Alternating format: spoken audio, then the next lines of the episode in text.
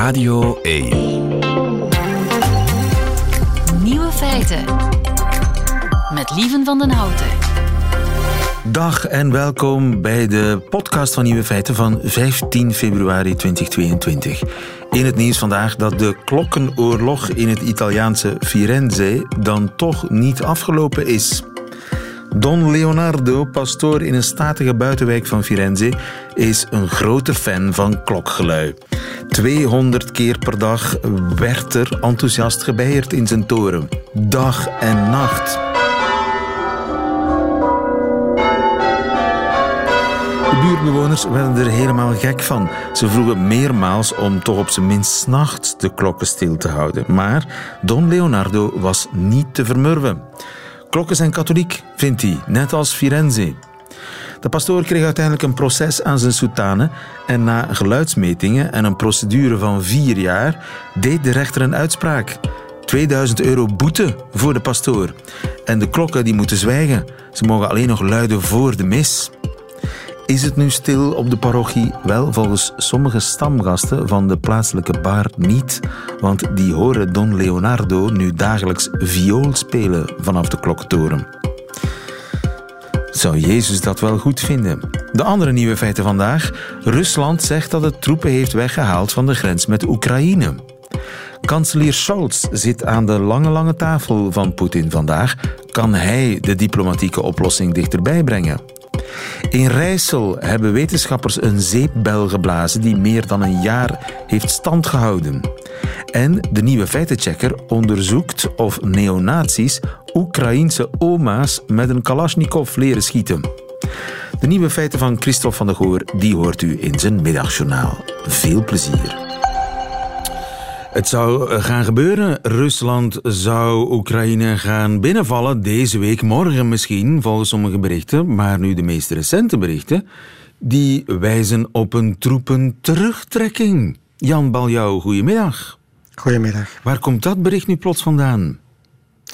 Ja, het is uh, het Russische ministerie van Defensie dat dat vanmorgen heeft aangekondigd dat uh, een deel van de militairen die aan het deelnemen waren aan oefeningen in de grensregio met Oekraïne dat uh, ja, die oefeningen voorbij waren en dat zij zouden uh, teruggetrokken worden naar hun uh, basissen. En meteen werden ook beelden verspreid van militair materieel dat op treinwagons werd opgeladen. alles om te onderstrepen dat Rusland zijn, ja, zijn troepen aan het terugtrekken is. Ja, dat zegt Rusland zelf, maar klopt het ook? Dat is de vraag natuurlijk. Hè. Het is uh, nog niet onafhankelijk bevestigd. Uh, Integendeel, uh, uit recente satellietopnames blijkt dat ja, er zelfs gisteren zondag nog versterkingen naar de Oekraïnse grens zijn gestuurd. En ook enkele onafhankelijke onderzoeksgroepen die het van heel nabij volgen, zien eigenlijk voorlopig geen bewijs dat die um, stroom van materieel naar de Oekraïnse grens dat die is eh, opgehouden. Integendeel, dat er nog altijd meer materieel onderweg is naar de Oekraïnse grens. Dat er dus ja, per slot van rekening eigenlijk meer materieel onderweg is dan dat er wordt teruggetrokken. Maar zouden de Russen daartoe in staat zijn om officieel te zeggen we zijn aan het terugtrekken en in werkelijkheid nog versterkingen te sturen? Wel, we zullen moeten afwachten wat, uh, of het onafhankelijk bevestigd wordt. is natuurlijk wel zo dat er uh, sinds gisteren wel wat tekenen zijn die wijzen op het feit dat Moskou toch de, de zaak niet op de spits wil drijven. Je had die uh, toch wel merkwaardige ontmoeting tussen minister van Buitenlandse Zaken Lavrov en uh, president Poetin aan een heel lange tafel. Ja, de tafels worden alsmaar langer in het worden alsmaar langer. Het was duidelijk dringend, hè, want er waren de, de nodige corona uh, maatregelen konden niet worden nageleefd en dus moest Lavrov op een uh, lange afstand blijven van Poetin. Maar de boodschap was duidelijk, het moest ook zo overkomen van uh, wij willen verder blijven onderhandelen. En een beetje later kwam aan diezelfde tafel ook nog de minister van Defensie plaatsnemen en die zei dat oefeningen binnenkort voorbij waren en dat de militairen zouden terugkeren naar, naar hun basissen. Dus ja, dat wijst er al, al, al bij al wel op dat Moskou um, ja, misschien toch een, een, stap in die richting aan het zetten is. Maar ja, het is dus wachten op die onafhankelijke bevestiging. Ja, en uitgerekend vandaag gaat de nieuwe bondskanselier Scholz naar Poetin. Hij zou wel eens die rol van good cop kunnen spelen als Biden bad cop is en als maar troepen stuurt. en Scholz dat altijd geweigerd heeft, zou hij daar misschien wel een sleutelrol in kunnen spelen? In die diplomatieke ja, oplossing. Ja, het is in ieder geval het, het laatste geplande hoog bezoek aan het Kremlin. Ehm, bij het begin van de ontmoeting heeft uh, Poetin al gezegd uh, tegen Scholz dat Duitsland een van de belangrijkste partners is van Rusland en dat uh, energiesamenwerking met Duitsland een, een grote prioriteit is. iedereen weet natuurlijk dat momenteel een van de grote kwesties is de opstart van Nord Stream 2, die nieuwe gaspijpleiding door de Baltische Zee. En Poetin heeft ook duidelijk gemaakt dat Rusland een betrouwbare energieleverancier is. Uh, de ontmoeting zal naar verwachting lang duren, ongeveer vijf uur. En dan komt er ook nog een persconferentie. En uh, we zullen moeten afwachten of Scholz er inderdaad in zal slagen om, om van Poetin toch een aantal ja, garanties te krijgen dat die, dat die de-escalatie die Rusland zegt te hebben ingezet, dat die ook wel zal, zal doorgaan. Ja, dus de soep is aan het afkoelen, maar de vraag is of dat ook echt is, of alleen maar onderdeel van het pokerspel. Dat is de vraag. En in ieder geval de retoriek vanuit Moskou wordt er niet minder hevig op. De minister van Buitenlandse Zaken Lavrov had het daar net nog over informatie, terrorisme van het Westen. Eh, door eh, voortdurend te zeggen dat Rusland van plan zou zijn om Oekraïne eh, binnen te vallen. Er is ook nog een resolutie goedgekeurd in het Russische parlement. Waarbij de zogenaamde volksrepublieken in Oost-Oekraïne, Donetsk en Lugansk dat zijn die republieken die zichzelf eigenlijk uh, hebben afgescheurd van Oekraïne met heel veel Russische steun. Uh, de Duma vraagt nu aan Poetin dat uh, Rusland die twee republieken zou erkennen. En dat zou natuurlijk meteen ook het einde zijn van het Minsk-proces, want daarin is voorzien dat die twee republieken binnen uh, Oekraïne blijven, maar met een grotere vorm van autonomie. Ja, dus uh, het valt nog af te wachten, veel valt nog af te wachten. De spanning stijgt en zakt met een minuut in uh, Moskou. En Jan Baljou die volgt het voor ons. Waarvoor dank. Goedemiddag. Graag gedaan. Nieuwe feiten. De nieuwe Duitse kanselier Olaf Scholz die zit dus vandaag aan de uh, alsmaar langer wordende tafel van Vladimir Poetin voor wat nu al het overleg van de laatste kans wordt genoemd. Geert van Istendaal, goedemiddag. Goedemiddag. Je bent schrijver en uh, Duitslandkenner. Uh, in het anti-Poetin-koor, zeg maar, zingt Duitsland opvallend stil. Al weken. Iedereen zegt dat heeft met het Russische gas te maken, waar Duitsland zo afhankelijk van is. Klopt dat en is dat alleen dat gas?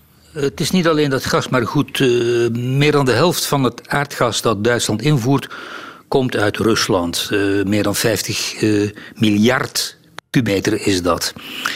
Um, en Duitsland heeft veel bedrijven die in Rusland investeren.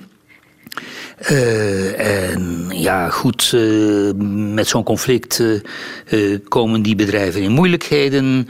Ehm, Rusland van zijn kant schept dus heel veel geld door gas aan Duitsland te verkopen. Maar het gaswapen uh, dat Rusland kan hanteren, namelijk de kraan dichtdraaien, uh, is veel dreigender natuurlijk. Hè.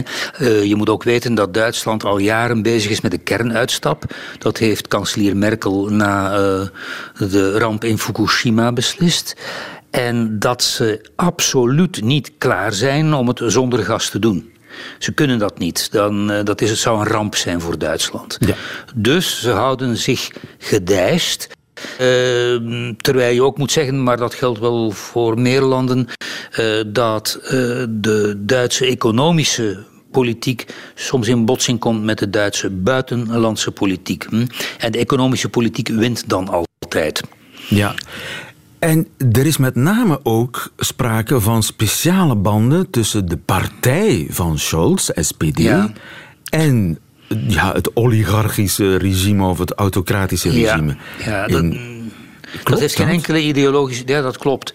Uh, dat komt omdat uh, de SPD en in de eerste plaats de voormalige kanselier Schröder uh, nauw verweven zijn met de hele energie-economie van Duitsland en zeker met het deel van de energie-economie dat op Rusland is gericht. Want Schröder die zat na twee weken aftreden, twee weken, al aan de top van een Russische oliereus, Rosneft, als ik het goed uitspreek. Uh, en de meerderheid. Um, Um, en de, de, de, vertrouwensman van, van Poetin uh, was daar ook de leider van de chef van. Uh, nee, en, niet alleen Schreuder. Schreuder is nu ook um, de grote baas van Nord Stream 2. Dus die, die pijpleiding die door de Baltische Zee zou komen. Uh, en de hoofdzetel zit uh, lekker niet in Duitsland, maar in het uh, Zwitserse kantonnetje Zug. wat een belastingparadijsje is. En um, God, niet alleen hij dus, maar zijn enge vrienden. Bijvoorbeeld is er een lobbyist voor de Duitse elektrische centrales, die dan dankzij een SPD-staatssecretaris, meneer Takke, uh, mee is kunnen gaan werken in het gas, omdat ze gefusioneerd zijn. Uh, er is een. Um, een, een, heel belangrijke rol voor uh, de deelstaat uh, Mecklenburg-Voorpommeren, waar de SPD al meer dan twintig jaar aan de macht is. Dat is de deelstaat in het noordoosten van Duitsland tussen uh, Polen en de Oostzee. En uh, die uh, hebben natuurlijk, of zullen natuurlijk, uh, economische voordelen hebben als die Nord Stream pijpleiding er komt. Ja. Uh, onder meer die, een paar havens, niet zonder meer, zal daar echt wel van profiteren. Je moet dat niet overdrijven, maar aan de andere kant is er ook een, een, een heel eigenaardige politiek vanwege Rusland met de steun van plaatselijke SPD'ers, onder meer van uh, mevrouw Schwezig, die daar de minister-president is, en die los van Schreuder ook goede banden heeft met Rusland. Natuurpolitiek. Zij financieren grootschalig sport eh, en cultuur in, in die deelstaat. Dat is heel eigenaardig. Dus er zijn enorme economische belangen. Eh, ja, en dus als en financiële, Scholz, en ja. financiële belangen. Dus als Scholz vandaag op die hele lange tafel van Poetin zegt: ja, maar als jullie uh, Oekraïne binnenvallen, dan gaan er hele zware economische sancties volgen. Ja, dan zal Poetin eens goed lachen. En dat weet ik niet, want, want uh, Scholz, uh, zijn, zijn groot dreigement is... dan komt Nord Stream 2 er niet. He, dan, die, die, die, dan, dan zul je door moeten blijven voeren, voeren, door Oekraïne, waar Oekraïne natuurlijk ook doorvoerrechten opheft. Uh, maar, uh, want Scholz staat op dat gebied zeer zwaar onder druk van de uh, Verenigde Staten. Hm?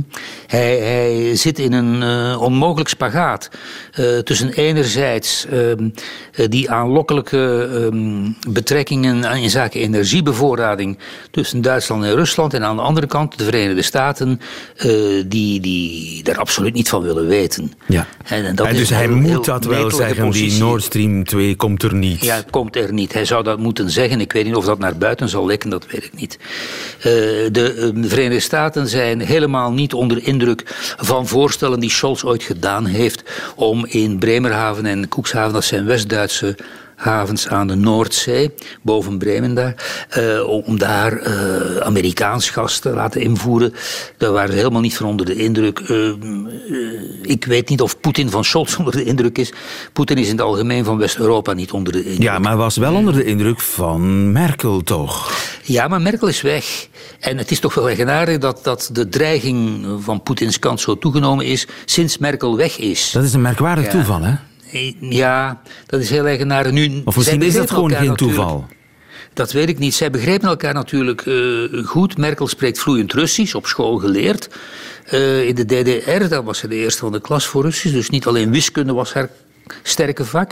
Poetin spreekt heel goed Duits, want hij was als KGB-man uh, uh, gevestigd in Dresden, in, in, in het zuidoosten van de DDR.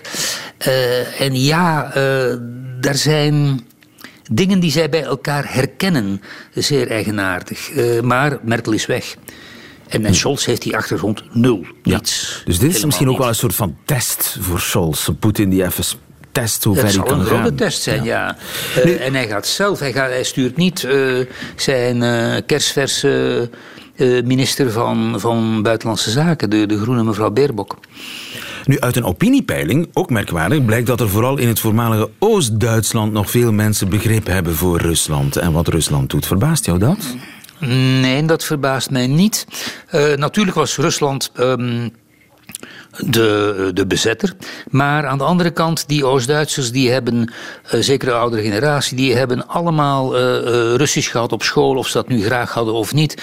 Maar zo kwamen ze rechtstreeks in contact met Rusland. Ze gingen soms op huwelijksreis naar die Aziatische duizend en een nachtsteden in, in de Sovjet-Unie. Ze, gingen ook op kamp in de Sovjet-Unie. Er zijn dus eh, allerlei tegenstrijdige gevoelens die daar spelen. En het eigenaardige is. Want de, de muur is al meer dan 40 jaar geleden gevallen.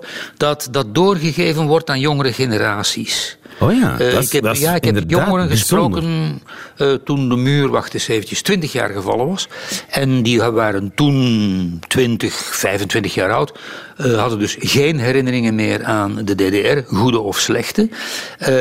maar die koesterden toch een soort ja, dat noemt men nostalgie. Hè? Dus uh, heimwee naar uh, een oude staat die zij nooit hadden gekend eigenlijk. Ja. Uh, dat wordt blijkbaar doorgegeven aan kinderen en kleinkinderen. Ja. Heel eigenaardig. En dat maakt dus allemaal deel uit van die spagaat waarin Scholz zit. Zal hij, zit hij in een goede positie om die ja, felbegeerde diplomatieke oplossing dichterbij te brengen? Als een soort good cop? Ik twijfel daar sterk aan. Ik twijfel er echt sterk aan. hij heeft niet iets achter zich waar Poetin het grootste respect voor heeft, namelijk militaire macht. Dat heeft hij niet. Uh, ik weet wel dat uh, als er één land is in uh, het vreselijke, decadente West-Europa waar Poetin nog een greintje van respect voor kan opbrengen, dan is het wel Duitsland. Wegens economisch gewicht, wegens grootte Punt, dat is alles. Uh, maar uh, of dat zwaar weegt, daar twijfel ik sterk aan. Uh, tenzij Poetin Scholz gebruikt om ehm, uh, om iets aan de Amerikanen diets te maken. Maar dat is voor andere analisten. Ja, het is een uh, pokerspel op bijzonder hoog niveau dat nu plaatsvindt. En, en waar met we, zeer zware inzet. Het zeer zware inzet waar we nu getuigen van zijn. En we wachten bang af wat de afloop zal zijn. Meer kunnen we niet doen. Ja. Dankjewel. Ik heb, uh, Graag gedaan. Dankjewel Geert van Istendaal. Ik heb speciaal voor jou Nina Hagen klaargezet. Maar toch niet waar. Absoluut. Du hast den Farbfilm vergessen. Een uh, klassieker uit het Oost-Duitse repertoire. Een hit in de jaren 70 voor Nina Hagen.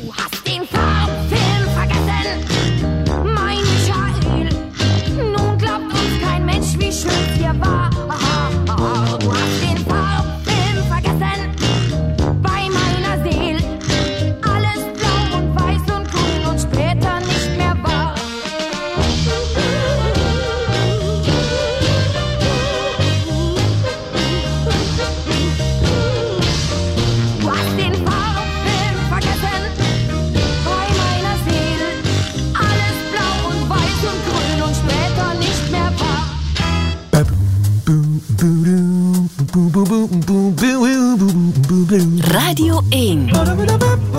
Nieuwe feiten. Zelf ben ik nooit verder gekomen dan een minuut. Maar in Rijssel zijn er nu wetenschappers in geslaagd om een zeepbel te blazen van 465 dagen. Een zeepbel die langer zeepbel is gebleven dan een jaar en drie maanden. Dirk van Dijk, goedemiddag. Goedemiddag, Leven. Professor natuurkunde aan de Universiteit van Antwerpen. Ja. Ik ben jaloers. Waarom spat mijn zeepbel na een minuut al uit elkaar? Ja, dat is een heel goede vraag. Dat is ook de vraag die die wetenschappers gesteld hebben. Het zijn wetenschappers van de Universiteit van Lille, de Polytechnische Universiteit.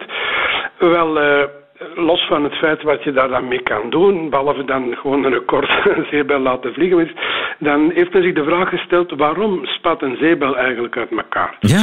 En ze hebben onderzoek gedaan met, met heel gevoelige camera's, ook met heel gevoelige weegschalen, zal ik maar zeggen. En er zijn twee belangrijke redenen. Ten eerste, uh, het, de, de bel zelf, dat is water in zeep, die verdampt. Dus een deel van het water verdampt en daardoor wordt die wand van die bel altijd dunner. En als die dunner wordt, dan een tiental nanometer, hè, dan springt die kapot. Dan is die niet sterk genoeg niet meer om, uh, om laten we zeggen, dat drukverschil te houden. Dus, dus de bel verdampt eigenlijk? Dat verdampt. Logisch, het is water ook en, en de water verdampt. En een tweede reden is het draineren. Het, het, water zakt naar beneden door de zwaartekracht. Dus een deel van het water van die bel zakt gewoon naar onder. En daardoor wordt ook de wand dunner. En als hij weer te dun wordt, springt hij kapot. Ja. Dus om het record te kunnen breken, moest men twee dingen tegengaan. Ten eerste die verdamping tegengaan. En de tweede dat draineren van dat water, dat afzakken van dat water. Oké, en welke truc hebben ze dan gevonden? Wel, voor verdampen hebben ze er eerst eh, glycerine aan toegevoegd, want glycerine is hygroscopisch.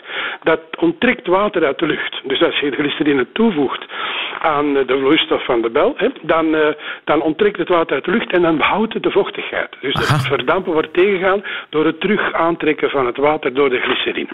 Eh, dus dat kan ik zelf ook doen? Dat kun je zelf ook doen. Ik heb het nog niet geprobeerd, maar het is de moeite om eens te proberen. Dan zou de bel sowieso al langer blijven duren. Alleen eh, kan je nog net niet tegengaan dat het onder de druk, al dat het gewicht eh, van, van het water, dat water naar beneden zakt en dat daardoor ook de belwand dunner wordt. Dus moesten ze daar iets aan, aan doen.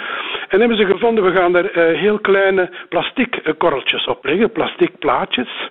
Heel dun, 80, ongeveer 100 micrometer, dat is een tiende van een millimeter. En heel die, die wand leggen ze vol met van die kleine plastic plaatjes, heel veel. En dan maakt die wand star. Dus uiteindelijk loopt die niet meer naar beneden, want die plaatjes die houden dat tegen.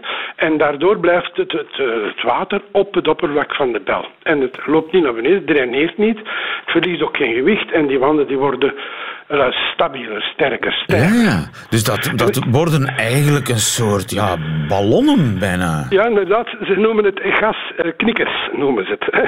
Uh, ze noemen gas omdat er binnenin natuurlijk nog lucht zit.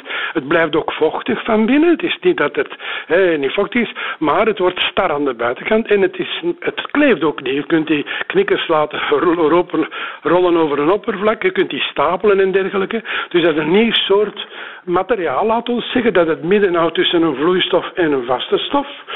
En waar je dus bellen mee kunt maken die, ja, die je kunt stapelen, die je kunt rollen en dergelijke. En die, als dat goed gedaan wordt, want ze hebben natuurlijk ook de fysica daarvan bestudeerd, hè, een aantal parameters, een model gemaakt. En dan dat proberen te optimaliseren om die, dat zo, zo lang mogelijk te laten duren. En vandaar dat record van 456 meter, dagen. 456 dagen, ja. Dus eigenlijk een kwestie van hele kleine plastic partikeltjes in de, in de zeep te doen, zeg maar. In de zeep te doen. Hè. Ik weet niet hoe ze, of ze het gewoon in de zeep gedaan hebben of nadien erop. Dat, dat was niet direct duidelijk. Ik denk dat het in de zeep is. En uh, dus kleine plasticdeeltjes plus glycerine. En dat was eigenlijk voldoende. Dat is voldoende. Ja. En dan natuurlijk eh, kan je de vraag stellen, wat kan je daarmee doen? Ah, ja, je komt in het Guinness eh, Book of Records, hè, denk ja, ik. Inderdaad, maar ja, dat is natuurlijk geen streven, streven voor wetenschappers om daarin te staan. Ja, eigenlijk wel. Ze hebben natuurlijk het krantenartikel van World Record en dat klinkt goed. Maar de vraag is, wat kan je daarmee doen? Natuurlijk, als het is een nieuw materiaal, nieuwe vormen die daarvoor nog niet gekend waren. Dus dan kan men pas beginnen nadenken over wat je kan je daarmee doen. Bijvoorbeeld dingen opslagen. Dus als je gas wil, uh, zeggen, gas wil opslagen dat onder uh, vochtige omstandigheden moet blijven, kan je dat. Maar je kan, ik zou kunnen bedenken dat je dat ook als isolatiemateriaal kunt gebruiken, omdat het enorm licht is. Er zit ook veel, je, kan dat maken dat heel weinig warmte geleidt. Er zijn toepassingen te bedenken. Maar dat hebben ze zelf nog niet gedaan. In het artikel, uh, dat staat in Physical Review, daar staat nog niet in wat men er uiteindelijk mee gaat kunnen doen. Ja, of in badschuim stoppen, zodat je, dat je badschuim hebt dat uren kan blijven staan op je bad. ja, dat is waar. Dat is absoluut mogelijk. Of dat je dat wel wil, dat weet ik niet. Want soms is het interessant om eens te luisteren naar het kapotspringen van de bel. Ja, is er iets heerlijkers dan het luisteren naar het kapotspringen van luchtbellen in schuim? In het water. En af en toe kletst je daarmee aan en dan krijg je nieuwe bellen. Hè. Dus Juist, ja. dat is ook een deel van het plezier. Hè. Maar goed, uh, gefeliciteerd aan de collega's van jou in uh, Rijssel, die erin geslaagd zijn om een zeebel te blazen die uh, ja, 465 dagen stand heeft gehouden. Maar dat is maar een begin. Ik denk dat dat nog langer gaat worden. Ja, want misschien hebben ze ook kapot gemaakt om uiteindelijk een einde te maken aan die studie, want je wilt toch op een gegeven moment gaan publiceren? Ja, ja, maar nee, pas op, ze maken er 100 en ze tellen welk dat langste duurt. Ah. Er zijn waarschijnlijk al een aantal vroeger. En dat is, dat is zo. Natuurlijk, nu, nu gaan er waarschijnlijk andere groepen op, op bestuderen. En dan gaat men die dingen nog wel kunnen verbeteren. Hè. Dus dit is een eerste start hè, van, van, een, van een nieuwe studie. Hè. Ja, en we blikken in verwondering vooruit naar wat er nog allemaal gaat komen. Dirk van Dijk, dankjewel. Goedemiddag. Goeiedag, dank u. Nieuwe feiten stond er gisteren nazi-propaganda op de voorpagina van de Standaard. Op een foto is een bejaarde Oekraïense vrouw te zien die leert schieten door een neonazi. Wordt hier en daar gefluisterd. Hoe zit het? Dat is een vraag voor onze nieuwe feitenchecker.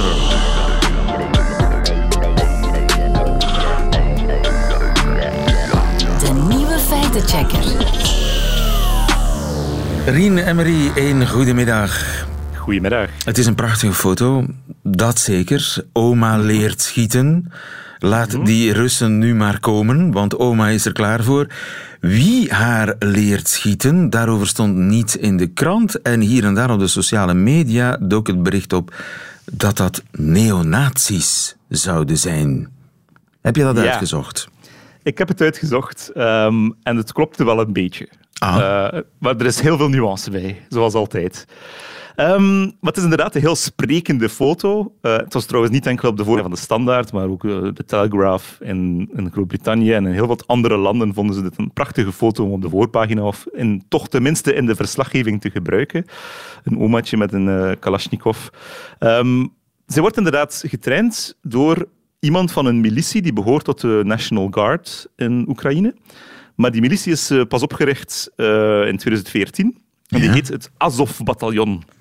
Het Azov-bataljon. Ehm, Wat is het Azov-bataljon? Azov naar de zee van Azov, die uh, grenst aan Oekraïne. Hè. Um, het Azov-bataljon is opgericht door een, door een extreem rechts uh, politicus uit Oekraïne, Andrei Biletsky. Um, hij, was de eerste, hij was de eerste commander van dat, uh, van dat bataljon. Um, en ja, die worden achtervolgd door verhalen dat zij ook integraal extreem rechts of zelfs neonazistisch geïnspireerd zouden zijn. En daar is ook wel iets van aan. Hun logo is bijvoorbeeld twee druppels water de wolfsangel van de, van de nazi's. Een specifiek uh, ja, hoekig logootje. Zij beweren dan weer van nee, nee, dat zijn gewoon de letters I en N. Uh, voor, uh, dat staat voor twee Oekraïense woorden. Uh, ja, het, is, het is een beetje... Ze hebben overal een uitleg voor, maar er zijn al genoeg reportages geweest de voorbije jaren van journalisten die mensen van het Azov-bataljon gaan volgen. En die bleken dan voor een groot stuk um, neonazi-tatoeages te hebben. Um, er zijn ook grote banden vanaf het begin geweest met uh, de ultras, de, de hooliganscène in, uh, in Oekraïne, die ook zeer uh, uiterst rechts geïnspireerd is. Dus die, die banden die er zijn van Azov en de ideologische instelling van Azov um, met neonazisme, die is er sowieso. Ja. Um, maar dat wordt natuurlijk ook politiek gebruikt. Hè? Het feit dat die uh, Oekraïne-vrijheidsstrijders, dat daar een, een extreem rechts scheurtje aan zit, neem ik aan.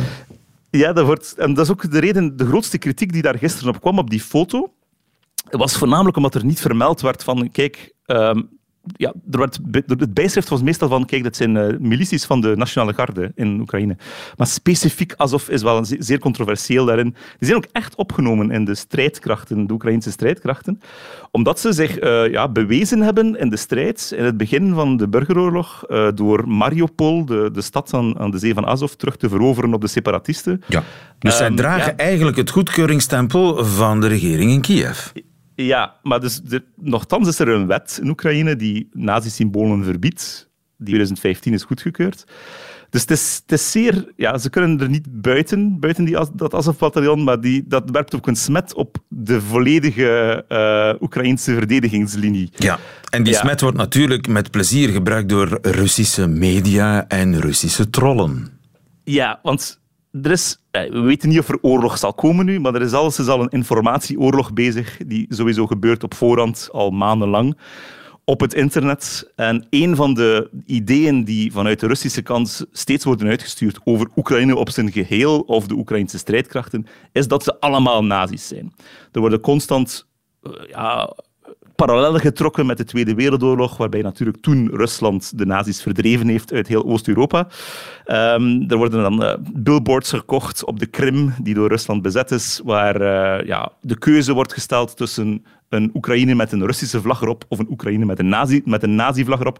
Dus dat is zo'n idee dat steeds wordt uh, gespeeld. En dat heeft ook wel een klein beetje um, weerklank bij mensen in het Westen, zowel aan uiterst linkse zijde die ja, kritisch zijn over de NAVO, over Amerikaans imperialisme, zoals dat zij dat noemen. Um, dat, dat idee van, um, ja, eigenlijk is Oekraïne geïnfiltreerd door extreem rechts en, en, en uh, Rusland zijn nog altijd de antifascisten van vroeger. Dat, dat idee wordt wel ja, soms nage, nagepraat bij ons in het Westen door, door mensen aan uiterst linkse zijde. Maar ook natuurlijk de fans van Poetin aan uiterst rechtse zijde zijn vaak wel vatbaar voor dat argument.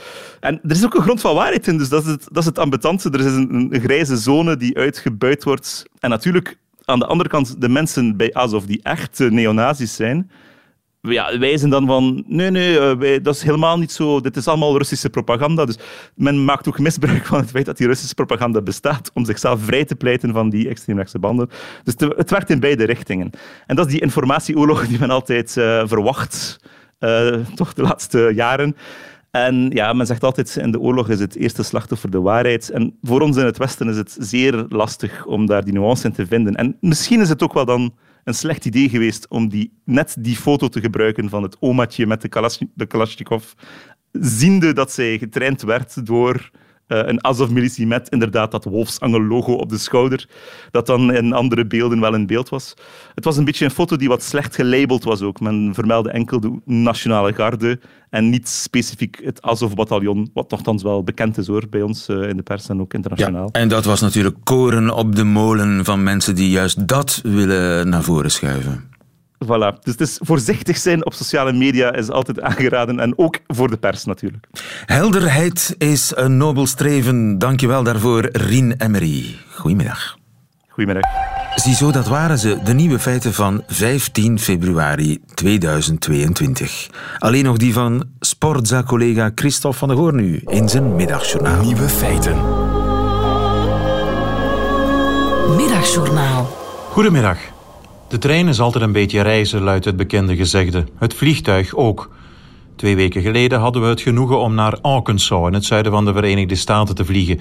Daar vonden de wereldkampioenschappen veldrijden plaats in een stadje waar de familie Walton alles bezit en bestiert.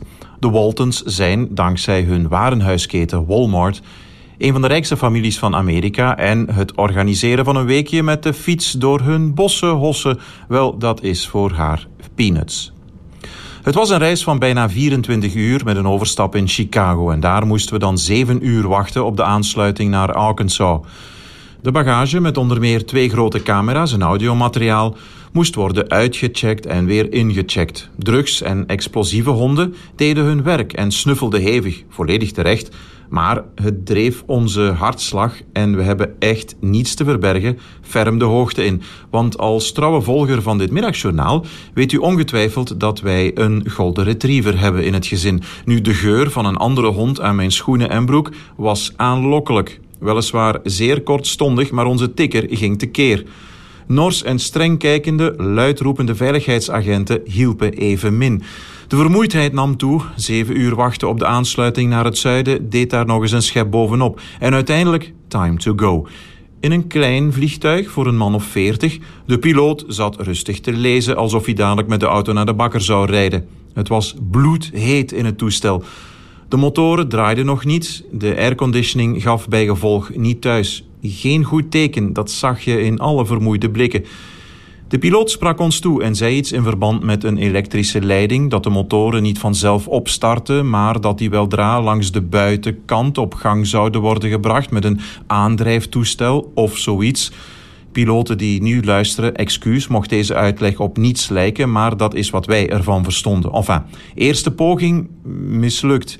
Tweede poging alle lichten in de cabine vloepten aan en meteen weer uit. Het werd stil. De wallen gingen almaar dieper hangen.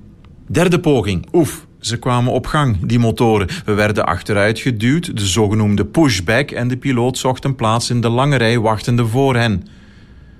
Het was intussen negen uur s'avonds in Amerika, diep in de nacht in België. Het einde was in zicht, ook al ging het taxiën in het drukke Chicago tergend langzaam.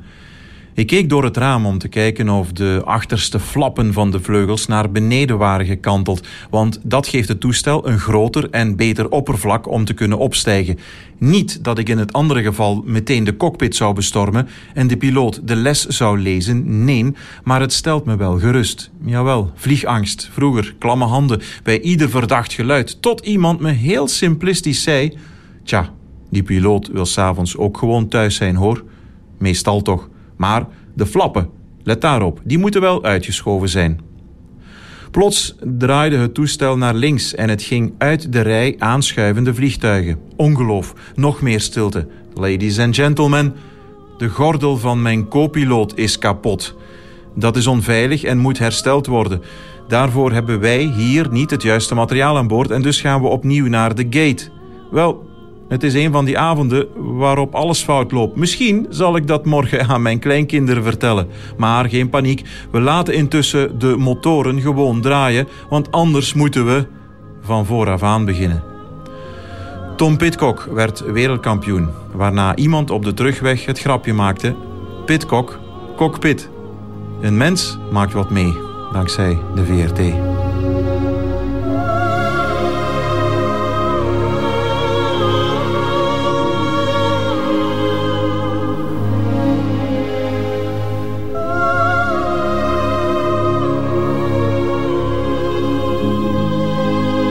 Middagjournaal met Christophe van der Goor.